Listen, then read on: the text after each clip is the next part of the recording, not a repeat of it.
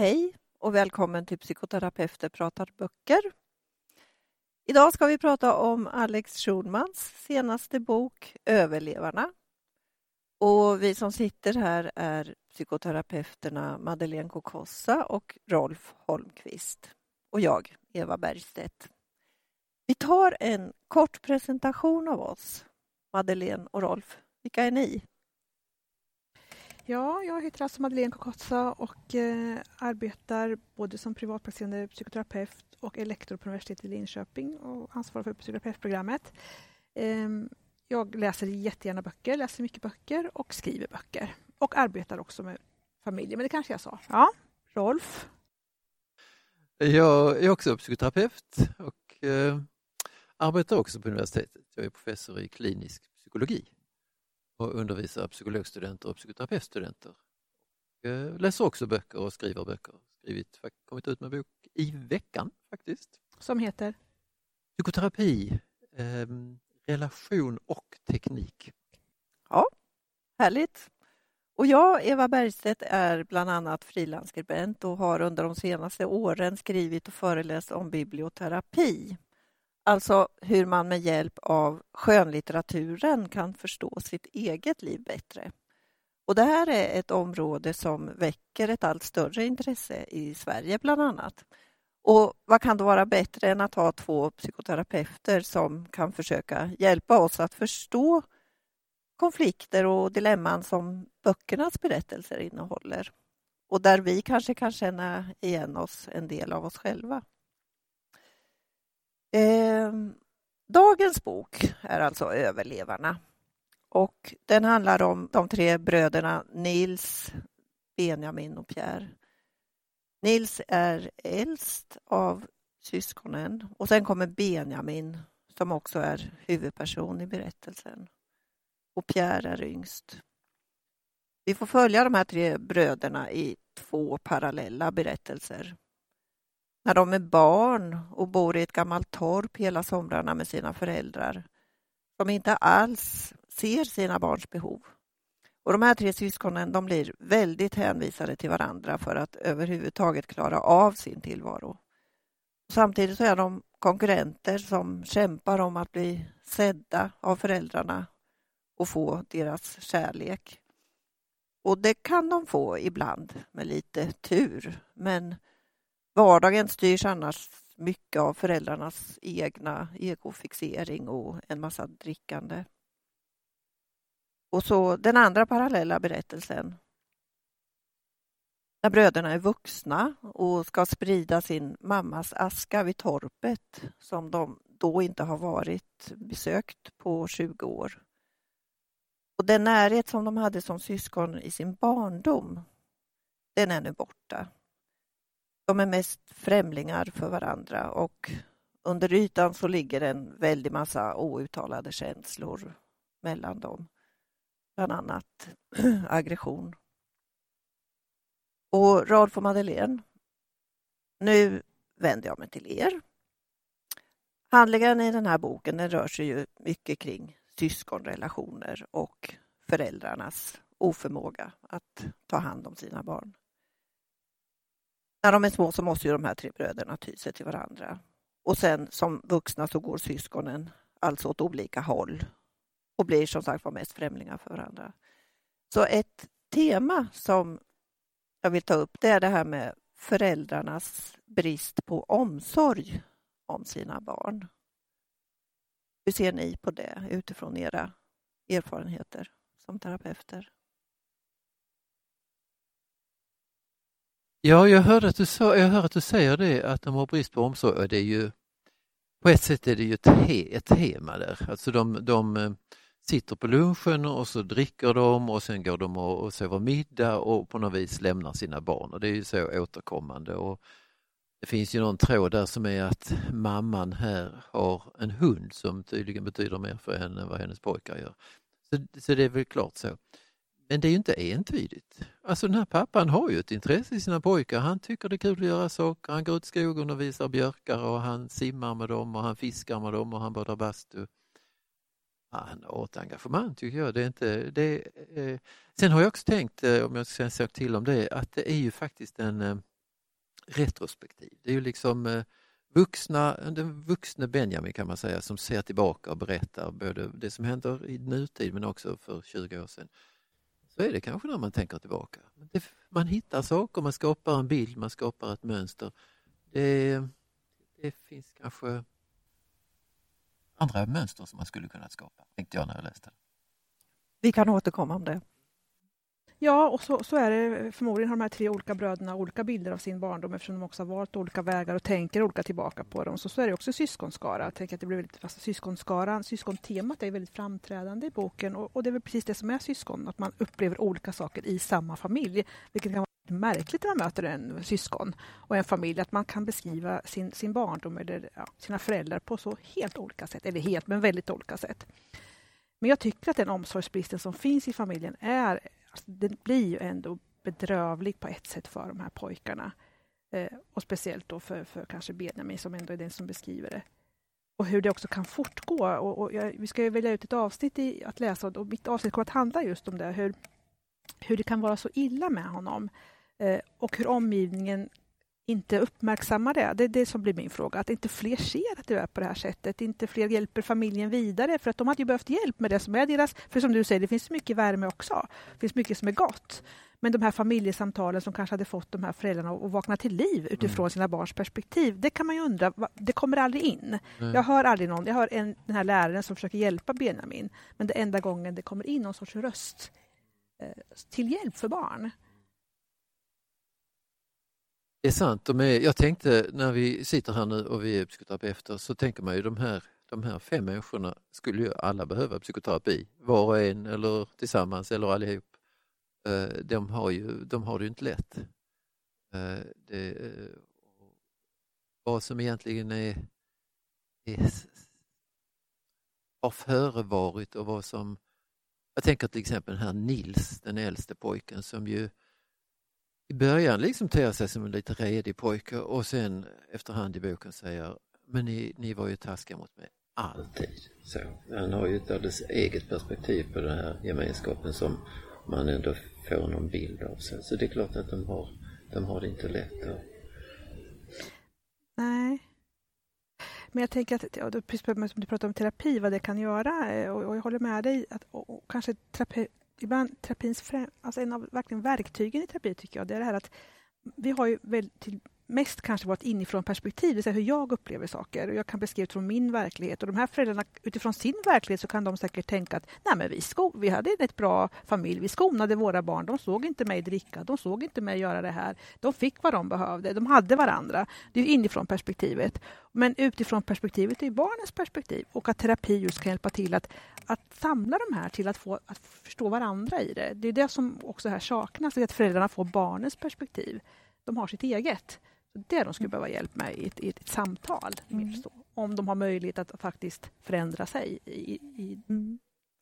Är det någon av er som vill läsa något kort stycke utifrån det här som vi pratar om? Ja, jag kan läsa eftersom det, eftersom det, ja, det berör. Så. Ett stycke ur boken? Ja, kort, alltså. ja, bara. Mm. Och det är just det när um, det är en lärare, eh, då han själv förstår hur, han, hur hans familj um, nu pratar du om, om Benjamin. Mm. Mm. Han beskriver hur, hur han i boken... Mellanbrodern. Ja. Det är väl han, som Hans ja, röst berättar. vi hör. Ja, han berättar. Ja. Mm. Och han berättar att han, ehm, hur, alltså hur det går upp för honom, hur, hur han liksom lever i sin familj. Och denne bildläraren säger till honom, skriver han så här, eh, bildläraren som eh, ofta Bildaren som ofta stod lutad över honom, han luktade kaffe i munnen och något äppeldoftande tvättmedel som satt kvar i den stickade tröjan han bar. En gång bad han Benjamin vara kvar efter lektionen. Läraren hukade vid Benjamin där han satt i sin bänk och sa att ibland när han hjälpte Benjamin med en uppgift så kunde han känna att Benjamin luktade svett och att han ville inte lägga sig i men han visste att det här är barn som är i tonåren som letar varje chans att vara elaka mot varandra. Och en dag kommer att reta honom för att han luktar. Benjamin lyssnade noga på bildläraren. Det fanns egentligen bara två minnesregler, sa han. Byt strumpor och kalsonger varje dag. Duscha varje morgon. Samma kväll undersökte han sin hygien. När ingen såg tog han handen i tröjan och drog i armhålan och luktade på handen. Han kände för första gången lukten av sin egen svett. Han såg plötsligt saker klart. Alltså hur, hur läraren hjälper honom att förstå mm. hur det faktiskt, hur illa det är. Mm. Mm. Och det här skulle många fler vuxna ha behövt hjälpa bröderna med? Ja, alltså så illa är det. Att, att det är väldigt illa för honom. Han beskriver smutsen i sitt hem, hur han lever. Och hur de heller inte... Man undrar liksom ja, vilka omkring en sån här familj är för stor. Syskon, jag menar barn, föräldrarna. Alltså det måste finnas fler människor, tycker man. För det här är ju en medelklassfamilj, Mm. som du sa. Menar du att det skulle kunna göra att det blir mindre uppmärksamhet på Ja. barnen? Det skulle kunna dra en annan liksom, eh, teoretisk eh, överbyggnad på, men jag tror faktiskt att det är så att, att eh, barn som far illa i medel och överklass blir mycket mindre, upp- mycket mindre uppmärksammade därför att vi tänker att det här sker bara i utslagna familjer, i ja, arbetarklass och så vidare. Men att ja, allt det här går förlorat och här tycker jag är ett tydligt exempel på hur det kan vara. Mm. Ja, men innan jag läser så vill jag bara bekräfta det du säger. Mm. För det är klart att du har en poäng där. Du, tog det ju, du sa det ju tidigare också. Alltså deras, eh, deras, deras drickande är ju, har ju barnen väldigt illa av. Det, är ju, det slutar ju egentligen med en slags med en katastrof kan man säga. Som ju är ihopkopplad och där, alltså vistelsen i toppet slutar med en katastrof. Och det har ju att göra med att de har druckit. Det är midsommarafton och föräldrarna dricker och pappan kör i diket och sen är de berusade och går och lägger sig och pojken får en jättemycket ström i sig. Eh, Och det finns ju en koppling där. Så det är klart att en, en, en barn eller en familj i en annan samhällsklass hade ju säkert blivit uppmärksammade. De- Deras drickande, nu är det ju på ett torp och det är sommar och det är semester men det är ju, de, det är ju ett väldigt dysfunktionellt liv de lever den här familjen, måste man ju säga. Det ser ut, eh, Rolf, som att du också vill läsa något stycke ur boken. Ja, just det. Jag, det var två stycken jag tänkte på. Och jag, nu, först tänkte jag ett, sen ett annat. Nu går jag tillbaka till det första för jag tycker ändå att det är väldigt talande. Eh, så du måste berätta först. De, eh, pappan, eh, alltså pappan vill ju, pappan tycker det är kul med sina, hans pojkar. Han, han älskar att låta dem göra saker, uppleva saker och han tycker att de ska liksom vara duktiga och klara av saker. Och så ja, hittar han på en tävling. De ska simma ut runt en boj som ligger en bit ut i sjön och sen tillbaka igen. Och de sätter igång och simmar, lite små pojkar ser man framför sig som sätter igång och simmar. Så. Och sen mitt där ute på sjön så blir de jättetrötta och känner att de kanske inte kommer tillbaka. Ehm, och då läser jag en bit här på slutet. De har kommit ut mitt på sjön alltså. Ehm, Nils sträckte sig efter bojan och höll fast den med båda händer för att kunna flyta på den. Men den bar inte hans tyngd och sjönk ner i mörkret under honom. Han blickade inåt land. Det går inte, mumlade Nils. Det är för långt. Benjamin drog sig till minnes och han lärt sig i simskolan under lärarens långa föreläsning om vattensäkerhet. Vi måste vara lugna, sa han till Nils. Ta längre simtal, längre andetag. Han kastade en blick på Pierre. Hur är det? frågade han. Jag är rädd, sa Pierre. Jag också, sa Benjamin. Jag vill inte dö, ropade Pierre. Hans fuktiga ögon precis ovanför vattenytan. Kom hit, sa Benjamin. Kom nära mig. De tre bröderna närmade sig varandra. Vi hjälper varandra, sa Benjamin. De simmade sida vid sida i riktning tillbaka mot huset. Långa tag, sa Benjamin. Vi tar långa tag tillsammans. Pierre hade slutat gråta och simmade nu beslutsamt framåt. Efter en stund hittade de en, gemensam rytm, gemensamma simtag. De andades ut, andades in, långa andetag. Och så hoppar jag lite grann här. Ehm, till alldeles på slutet här när de har kommit i land. Benjamin tog ett par steg mot huset, spejade in genom en av rutorna och där genom köksfönstret skymtade hans pappas gestalt. Hans stora ryggtavla där han stod böjd över disken. De har gått in, sa Benjamin. Nils stod med händerna på knäna och hämtade andan. Pierre kom flämtande upp för slänten. Hans förvirrade blick över det avdukade bordet. Där stod de villrådiga bröderna. Tre oroliga andhämtningar ute i tystnaden. Ja, det där är så alldeles förfärligt. Ja, pappan, eh, pappan sätter igång dem och sen går han in och, och lagar Ja, mat. apropå omsorgsbrist. Det är ju... Ja, det man blir väldigt tagen. Och men där, Ja. det som finns där också är ju det här som också finns som ett stråk. För det är klart att alltså boken inleds ju med, att, med ett slagsmål. Och, och det är ju lite tidsförskjutningar och man får li- liksom olika bitar här. Men det, det, den historien, på, på ett sätt slutar ju boken med att det kommer en polisbil Mm. upp som ska ta hand om dessa bröder som har slagits med varandra Som vuxna. mammans urna. De är ju jätteaggressiva mot varandra.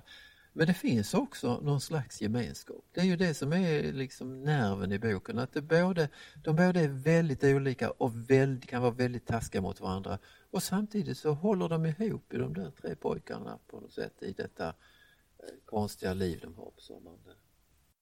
Ja, som barn. Men håller du med om att de är väldigt främmande för varandra som vuxna? Ja, och de söker ju liksom, de försöker förstå sig på varandra. De är ju väldigt olika och lever olika liv vad man förstår. Men de, på den där färden, det är Färden när de är vuxna? tillbaka med urnan, de ska Ja. eh, kasta ut askan. i sjön. Det kan man ju ibland känna igen, jag känna igen själv och det kan jag känna igen från andra människor som berättar för mig. Alltså i sådana där stunder när det blir väldigt speciellt, som att man bär mammans aska i en urna och ska åka och man ska göra någonting. Då blir det ju, då kommer man samman liksom. Det blir som att människor som inte ser så mycket hittar någonting som ändå refererar till det de hade en gång i tiden. Sen, sen slutar det ju som sagt med att de, de De slåss. slår varandra så att eh, Pierre varandra. förstör av på. Nils. Ja. Men eh, det är också någonting, de båda bastu ihop. De försöker liksom hitta varandra, komma ihåg hur det var och hitta tillbaka till något. Det är väldigt rörande. Tycker du det också, Madeleine? Eh, vad? Ja, det här att de försöker komma tillbaka till varandra som, som vuxna. Nej, men jag tror att det är så det är. Jag menar, ja, visst, syskon försöker komma tillbaka till varandra på olika sätt och försöker hitta det som går att hitta. Det är det är skillnad kanske på biologiska och eh, sociala band. Att de biologiska binder samman oavsett om man vill eller inte. Och så är det väl också. Jag tänker ett annat tema som hör ihop med det här, det är det här med att frigöra sig från barndomens eh, syskonroller. Kan man göra det? Så går det att frigöra sig från sina gamla roller? Ja, jag skulle säga familje, som familjeterapeut så är det väl en av de saker som man arbetar med.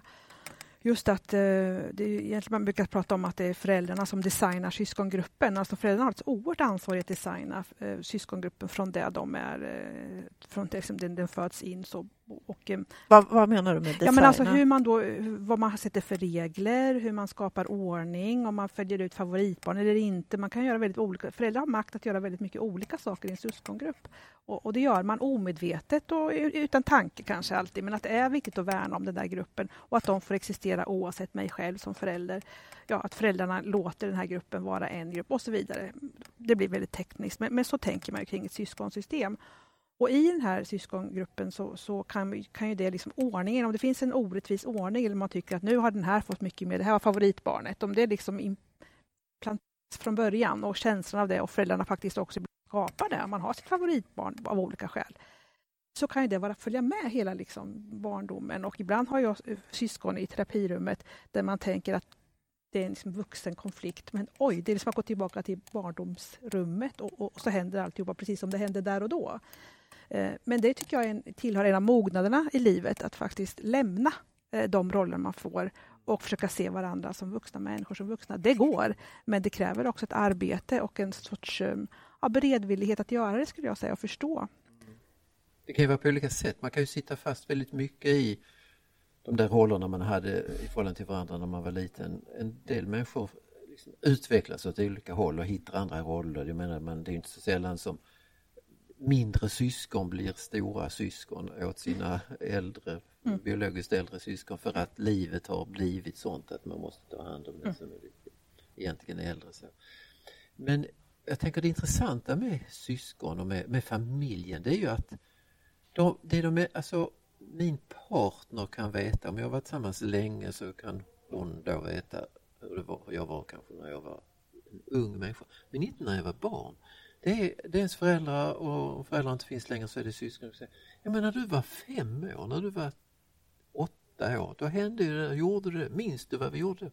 De har en, en livshistorien. Det är ju på något sätt det de kliver in i de här pojkarna. De känner varandra på ett alldeles särskilt Mm. sätt Mm. som ingen annan kan känna dem. Mm. De vet. Och det är en slags...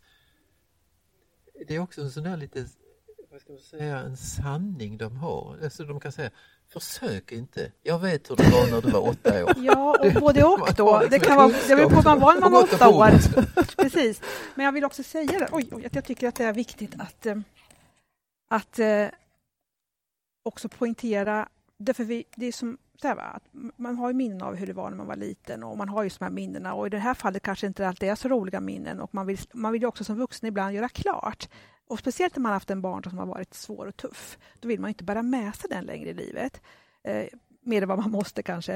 Men då tänker jag också att, att det finns någon sorts, vad säger du om det, någon sorts myt att syskon ska också hålla ihop. Man ska ha bra syskonrelationer och, och jag skulle vilja säga så här, man behöver inte ha det. Man måste göra av syskonrelationerna det som går att göra av dem.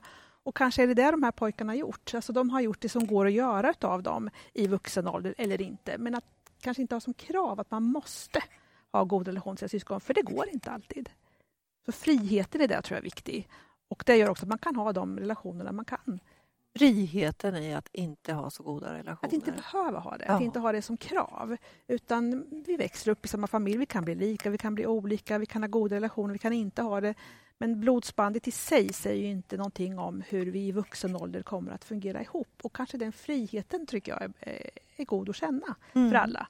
Gör det ni kan och det ni vill. Men inte, för det kan ju följa med många grupper och i familjer, speciellt man ska ha goda Absolut. familjer, man ska ha goda Är, är det det ni märker i terapier att, att förväntningarna är Ja, att man det. ska ha goda relationer med syskon och föräldrar? Ja, jo, men det, så finns det. Det är klart att det finns en föreställning. Det, det tror jag finns eh, traditionellt. Alltså det har nog funnits eh, i, tillbaka i tiden. Och en önskan, tänker jag, att en man önskan. verkligen vill. Ja, men det är Mm. klart. Ja. Alltså, jag menar, vårt samhälle har ju förändrats. För, för 150 år sedan så var det väl syskonen man umgicks med. Om man hade ett umgänge så var det med familjen. Man, man träffade farbröder och morbröder och kusiner och sådär. Och syskon.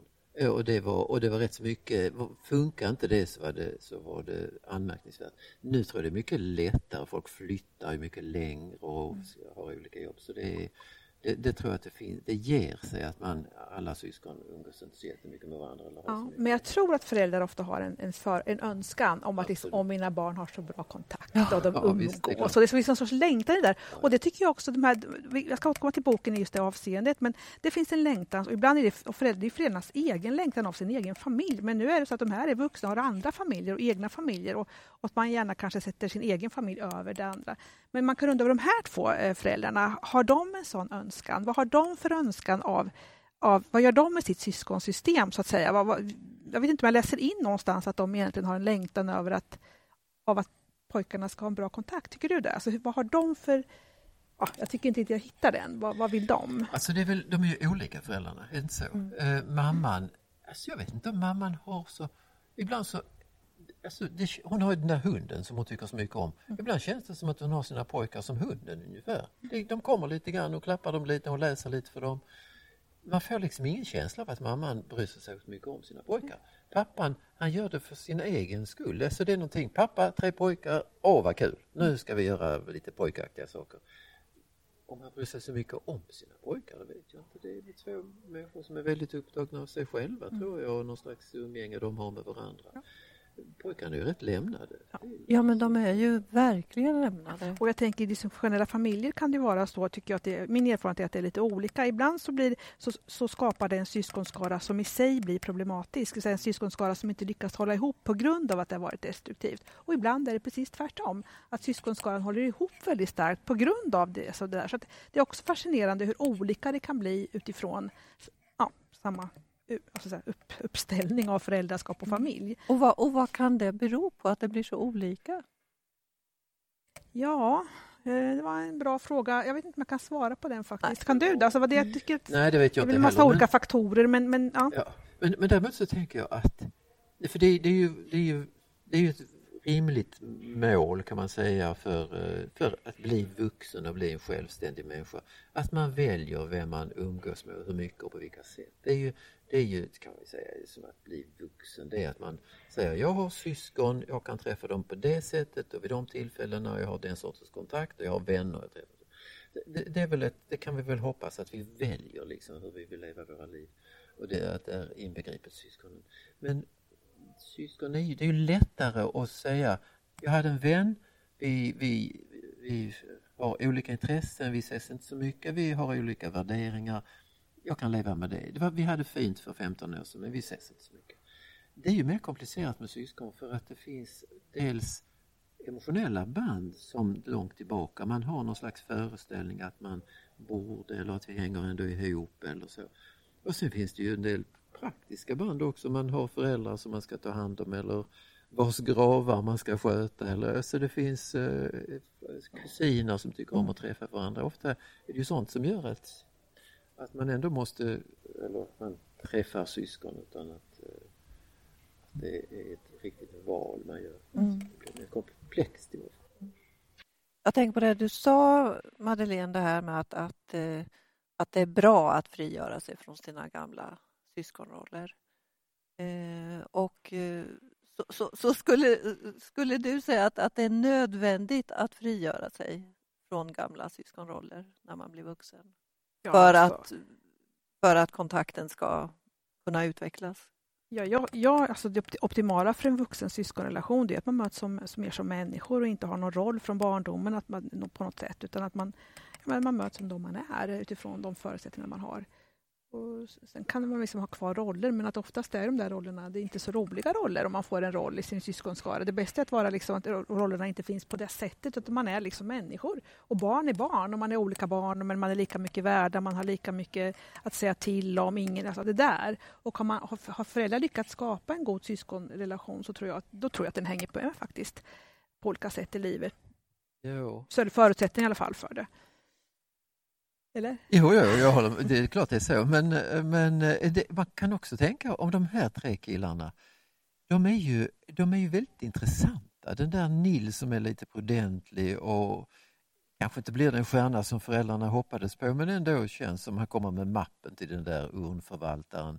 Och Benjamin som är mittemellan pojken som försöker hålla ordning på de där två andra och har sådär ett mellansyskonroll och så den där lille som är rebellen på något sätt och mm. hela tiden gör saker som är mot eh, vad alla andra tycker. Så det skulle ju vara väldigt kul att alltså, ha dem i terapi. De har ju någon slags mm. de, har ju, de är ju intressanta var för sig de här tre.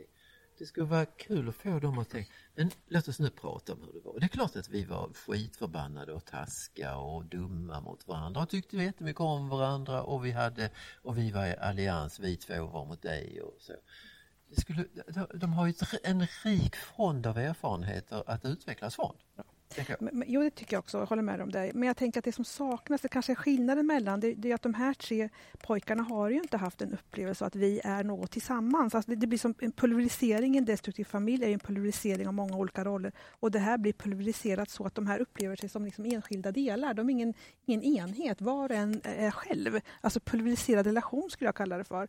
Och jag tänker att hur, hur, menar du då? Jag menar att de, de var och en, det är som att hela den här, för det är en sorts destruktivitet i den här familjen Absolut. som slår så hårt ner ja. i så att liksom var och en är själv, var och en får klara sig själv, mm, var och en måste verkligen. överleva. Mm. Och då har man inte den här, och, och, och, då tänker jag i den situationen kan det ju vara så att syskon skulle tänka, ja men låt oss hålla ihop ja. mot det här. Men här är det så illa så jag tror att det, liksom, det sker så på djupet att var och en för sig. Jag vill bara säga det. Och ett sånt tydligt exempel är när han, när han blir slagen på skolgården. Alltså, han slåss på skolgården vem, vem? Jag tror det är Pierre. Pierre. Slår han, ja. han slåss och det blir väldigt, väldigt illa. Och jag tänker att eh, i, i, ett annat sorts syskonsystem där det funnits någon sorts av gemenskap, så, för han beskriver hur han bara går förbi. Han låtsas inte känna Pierre, stänger av och går därifrån. Istället för att Benjamin kanske, ja, låtsas inte. Istället för att kanske gå nära och ja. säga hallå, hör du, vad gör du? Ja. Eller ta det på något vis vidare. Att man har ett sorts ansvar, en sorts känsla. Men så illa är det så han låtsas bara inte känna honom när han ser det. Jag menar att det är en sorts pulverisering i det. Mm. Och att det, ja, man skulle kunna jobba med dem i terapi tillsammans men jag undrar hur det skulle... Jag tror det skulle vara jättesvårt som vuxna att få dem med någon sorts... Utan mer kanske att acceptera att de är de de är. Och det kanske... Ja, jag undrar ja. Det, det, ska vara, det ska vara intressant i alla fall. Ja, alltså mm. tror ni det skulle vara verksamt för dem att, att samlas i ett terapirum? Terapi är alltid verksamt som försök. Alltid. Som försök i alla vad, relationer. Vad, när du säger verksamt, vad, vad tänker du? Vad du? Att det skulle kunna hjälpa dem som vuxna till att få bättre relationer till varandra och också förstå sin barndom mer. Alltså, man kan, alltså, boken är lite speciell på det sättet att det är ju bara, om jag nu minns rätt, så det är väl bara en människa som dyker upp som liksom är, som har relation till dem och som är utanför den där skaran och det är ju Nils flickvän som är med när eh, pappan dör, hon med peruken. Det är väl den enda person som dyker, som någon har en relation till eh, liksom utanför. Det är ingen kompis till pappan, ingen kompis. Mamman åker iväg på något jobb till stan men hon har inga, man får inte någon bild. Benjamin har ingen kompis vad jag kan erinra alltså det kanske dyrt finns men inte så att man, man får en bild av en relation utan det är de här fem ihop. Uh, så. Det är det som gör boken så nästan thrilleraktig, ja, tycker jag. Att den, måste också, alla är så alltså, menar, man förutsätter väl ändå att, att, när de ses där som vuxna och ska åka iväg med mammas äh, aska så, så har de väl någon slags socialt liv. De har väl relationer ja, oh, ja, de, de utgår från. Det tror jag också. Äh, så tänker man ju. Mm. Så, att, så när du frågar, skulle det vara effektivt så kanske inte jag Alltså jag tänker inte att man skulle ha som mål att de tre skulle bli sams på något sätt eller så. Det tänker jag är ganska ointressant. Men de skulle lära sig någonting om sig själva om de fick prata. För de, de har haft ett liv ihop som har betytt, satt mm. mycket spår hos dem. Så de skulle lära sig mycket av att Benjamin tittar Nils i ögonen och säger Hur var jag egentligen när jag var 10 år och du var 13? Hur, hur, hur var det mellan oss? Igen? Det gäller väl Sen alla syskon? de kan lämna varandra och inte umgås med varandra, det är väl okej. Okay. Men, men att de kan... Men sams tycker jag det är liksom inget osams, sams hela barnkammaren tycker jag. Jag tänker att det, det, som är frapperande är att Benjamin säger, alltså de, han, jag tror att han går förbi sin bror, eller han tänker jag vet ingenting. Alltså det är så det startar, de vet väldigt lite om varandra. Det är en sorts tomhet som han ändå skulle vilja åtgärda, det är det han vill göra terapi. Ett så han främlingskap. Ett främlingskap som man skulle i så fall vilja samtala med dem kring, att, att försöka ta bort det och bli mera bekanta med varandra. Men jag vill bara säga också att min erfarenhet är att när det är på det här destruktiva sättet, jag har träffat så mycket människor som beskriver destruktivitet på djupet i sina familjer och ingen vet om det. Alltså, ingen vet utanför familjen vad som sker. Han beskriver sin mm. familj och jag kan tänka mig att det här är en familj som utåt sett inte alls blir knippad eh, med det som händer inuti. Därför att ingen kommer dit, därför att folk inte ser, därför att man håller fasaden utåt. Därför att, så att det är också min erfarenhet att människor blir oerhört ensamma och barn blir väldigt ensamma i familjer där det är destruktivt. Intressant. Om jag ska prata terapi. Nu är, nu är ju själva formatet i boken sån att det är denna familj vi tittar på, precis som vi sa nyss. Men eh, om man tänker på terapimässigt så är det klart att det där som vi, som du håller på med, som vi man alltid håller på med terapi, ska vi, ska vi liksom se gruppen, familjen, syskongruppen eller paret så? Är det de vi ska jobba med eller ska vi jobba med den enskilda om man tänker terapimässigt så? Så, så fördelen med att jobba med familjen det är att man får hela bilden, man ser systemet, man ser interaktionen, man ser hur de interagerar, man ser vad som växer hos dem när de pratar med varandra.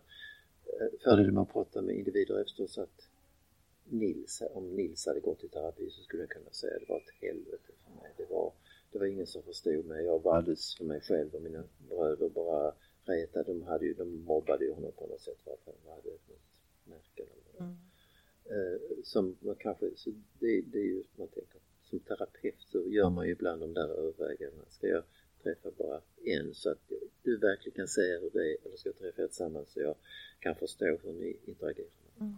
För det är också ett spår som är värt att ta upp, det här med hur vi, alltså var och en av oss, skapar egna minnen från barndomen som blir en berättelse som är sann för oss själva, för mig då. Att man liksom gör sin barndom när man är vuxen. Men då med andras berättelser, till exempel våra syskons berättelser från samma barndom så kanske det blir en helt annan bild som kommer fram av hur barndomen var. Har ni erfarenheter av det som terapeuter? Alltså just det här att man att jag har min bild av hur barndomen var och hur mamma och pappa var medan ett av mina syskon kan ha en helt annan bild av samma, samma händelse. Jag förstår. Men jag ska ja. säga terapi är just det. Det är precis det du säger. Alltså om man har familj, man har par, vad man nu har, så handlar det kanske mindre då individer, man, där man mera är hos den personen och försöker förstå den bättre. Så handlar terapi om att vi alla har olika, det är därför konflikter uppstår. För jag har mitt perspektiv, du har ditt, din familj. Alltså att, att få allas beskrivningar på olika sätt och att, att se hur man liksom sam, samspelar interaktionen i olika sammanhang. Så jag skulle säga att det är just det terapi handlar om att det, jag kan inte bara ha mitt eget perspektiv, jag måste också ta in vad som händer i relation till andra människor. Och det händer olika saker i relation till olika människor. Så syskonsystem på det sättet är ju Så om syskon går i terapi hos, hos er så kan det leda till någon slags försoning om man hör varandras berättelser? Ja, exakt. Och man kan säga, alltså, var det så för dig? Nej, men så här var det inte för mig. Tyckte du att mamma var så? Nej, men så, det var inte min mamma, det här var min mamma. Jaha, vi har samma mamma men upplever det så här olika. Då blir det en större förståelse. Att verkligen acceptera att det kan vara så, det är nästa sak. Inte bara att du säger, utan verkligen det kan vara så illa. Och jag vet inte om vi ska referera tillbaka till förra, men den var ju sån också. Arv och miljö, Arv och miljö. Hur det, hur, Hjort. Ja, det var exakt samma sak. Att man lever i samma familj och upplever olika saker. Men ska man då tro på varandra, att det här är din upplevelse och ge personerna den rätten att få beskriva det på sitt eget sätt. Det är en förutsättning för ett välfungerande syskonsystem, att man gör det. Och vi har väl samma, utan att gå tillbaka till den boken, så, så finns det ju både i den men också i den här verkligen den där frågan, måste man, måste man komma överens? Eller kan man leva med att man har olika bilder och att det kan vara berikande att jag kan veta att jag har en bild av vad som hände och du har en annan bild av vad som hände. Och jag kan veta att du har en annan bild och jag kan försonas med att din bild är en annan än min bild. Och jag kan ändå känna mig som att jag får lov att ha min bild av vad som hände, så, min berättelse. Att vi, kan ha, att vi kan ha olika berättelser i oss och vi måste inte bestämma oss för att en är den sanna. Om det nu inte är en väldigt konkret sak, jag menar när det gäller övergrepp då, som, så kan man ju tänka så. Men i den här boken så kan man mycket väl ha, de får ha sina berättelser, de kan, men de kan prata om det. Ja, och jag bara säger det, jag håller med dig att, att så är det ju. Det svåra i en familj är ju just de här tre bröderna. För att överleva har man kanske intagit olika strategier, överlevnadsstrategier och då är det ju, man kan ha egna försvar som säger nej men jag vill inte komma ihåg det på det sättet därför att det skulle störa hela min ordning. Men också det här alltså, som jag tycker är fascinerande i en syskonskara där ett barn kan säga ja, min mamma älskade mig på djupet. Hon såg mig, älskade mig, jag har fått så mycket av mamma. Och det andra säger nej, min mamma älskade inte mig, hon bekräftade inte mig, hon förstod inte mig, hon, hon, hon, hon gjorde mig illa. Hur de, två, hur de två bilderna ska liksom gå ihop, det är klart att det inte är enkelt. Det är inte enkelt. Nej, det är en Nej, utmaning menar jag. Förstår du? Så det är liksom, Ja. hur ska du kunna klara det? Ja. Ja. Vet ni vad? Tiden går Mm. och vi behöver avrunda. Eh, är det någonting som ni verkligen vill säga något mer innan vi avrundar här? Alltså det, det, jag tycker det är själva temat i den här boken är intressant. Eh, och det, det är bokens behållning ska jag säga. Den här, det är ju som en sån där eh, klassicistisk teaterpjäs. Det är, inte, det, är inte, det är inte så att det är eh, inom samma tidsram, för det är flera olika tidsramar, men det, det har nog en så här att det är en, vi rör oss med fem människor som har relationer till varandra och det, det är bara dem. Vi ser, vi ser liksom inte någon yttervärld utan, utan vi ser bara hur de förhåller sig. Jag tycker det är, är fascinerande. Och också kanske lite eh, med denna familj nu får man ju säga att det är ju eh, alltså skrämmande kanske man kan kalla det för. Att eh, hur man blir eh, beroende man blir av varandra på ett sätt som för de här människorna ofta kanske inte var bra. Mm. Och Madeleine, har Nej, du jag något? tycker att det får bli slutorden. Jag tycker det är ett bra slutord. Ja, då får jag säga tack till er. Mm, tack själv. Och så lite kort information om våren 2021. Vi lever ju i osäkra pandemitider, men vi kommer att fortsätta att ha åtminstone ett samtal under våren, så att ett preliminärt datum är onsdagen den 17 mars. Och kan vi inte träffas här på plats på biblioteket så kommer det att eh, sändas via länk. Så håll utkik på Bibblans sociala medier och även på andra håll, korren och så vidare. Då kommer information där så småningom. Tack för oss.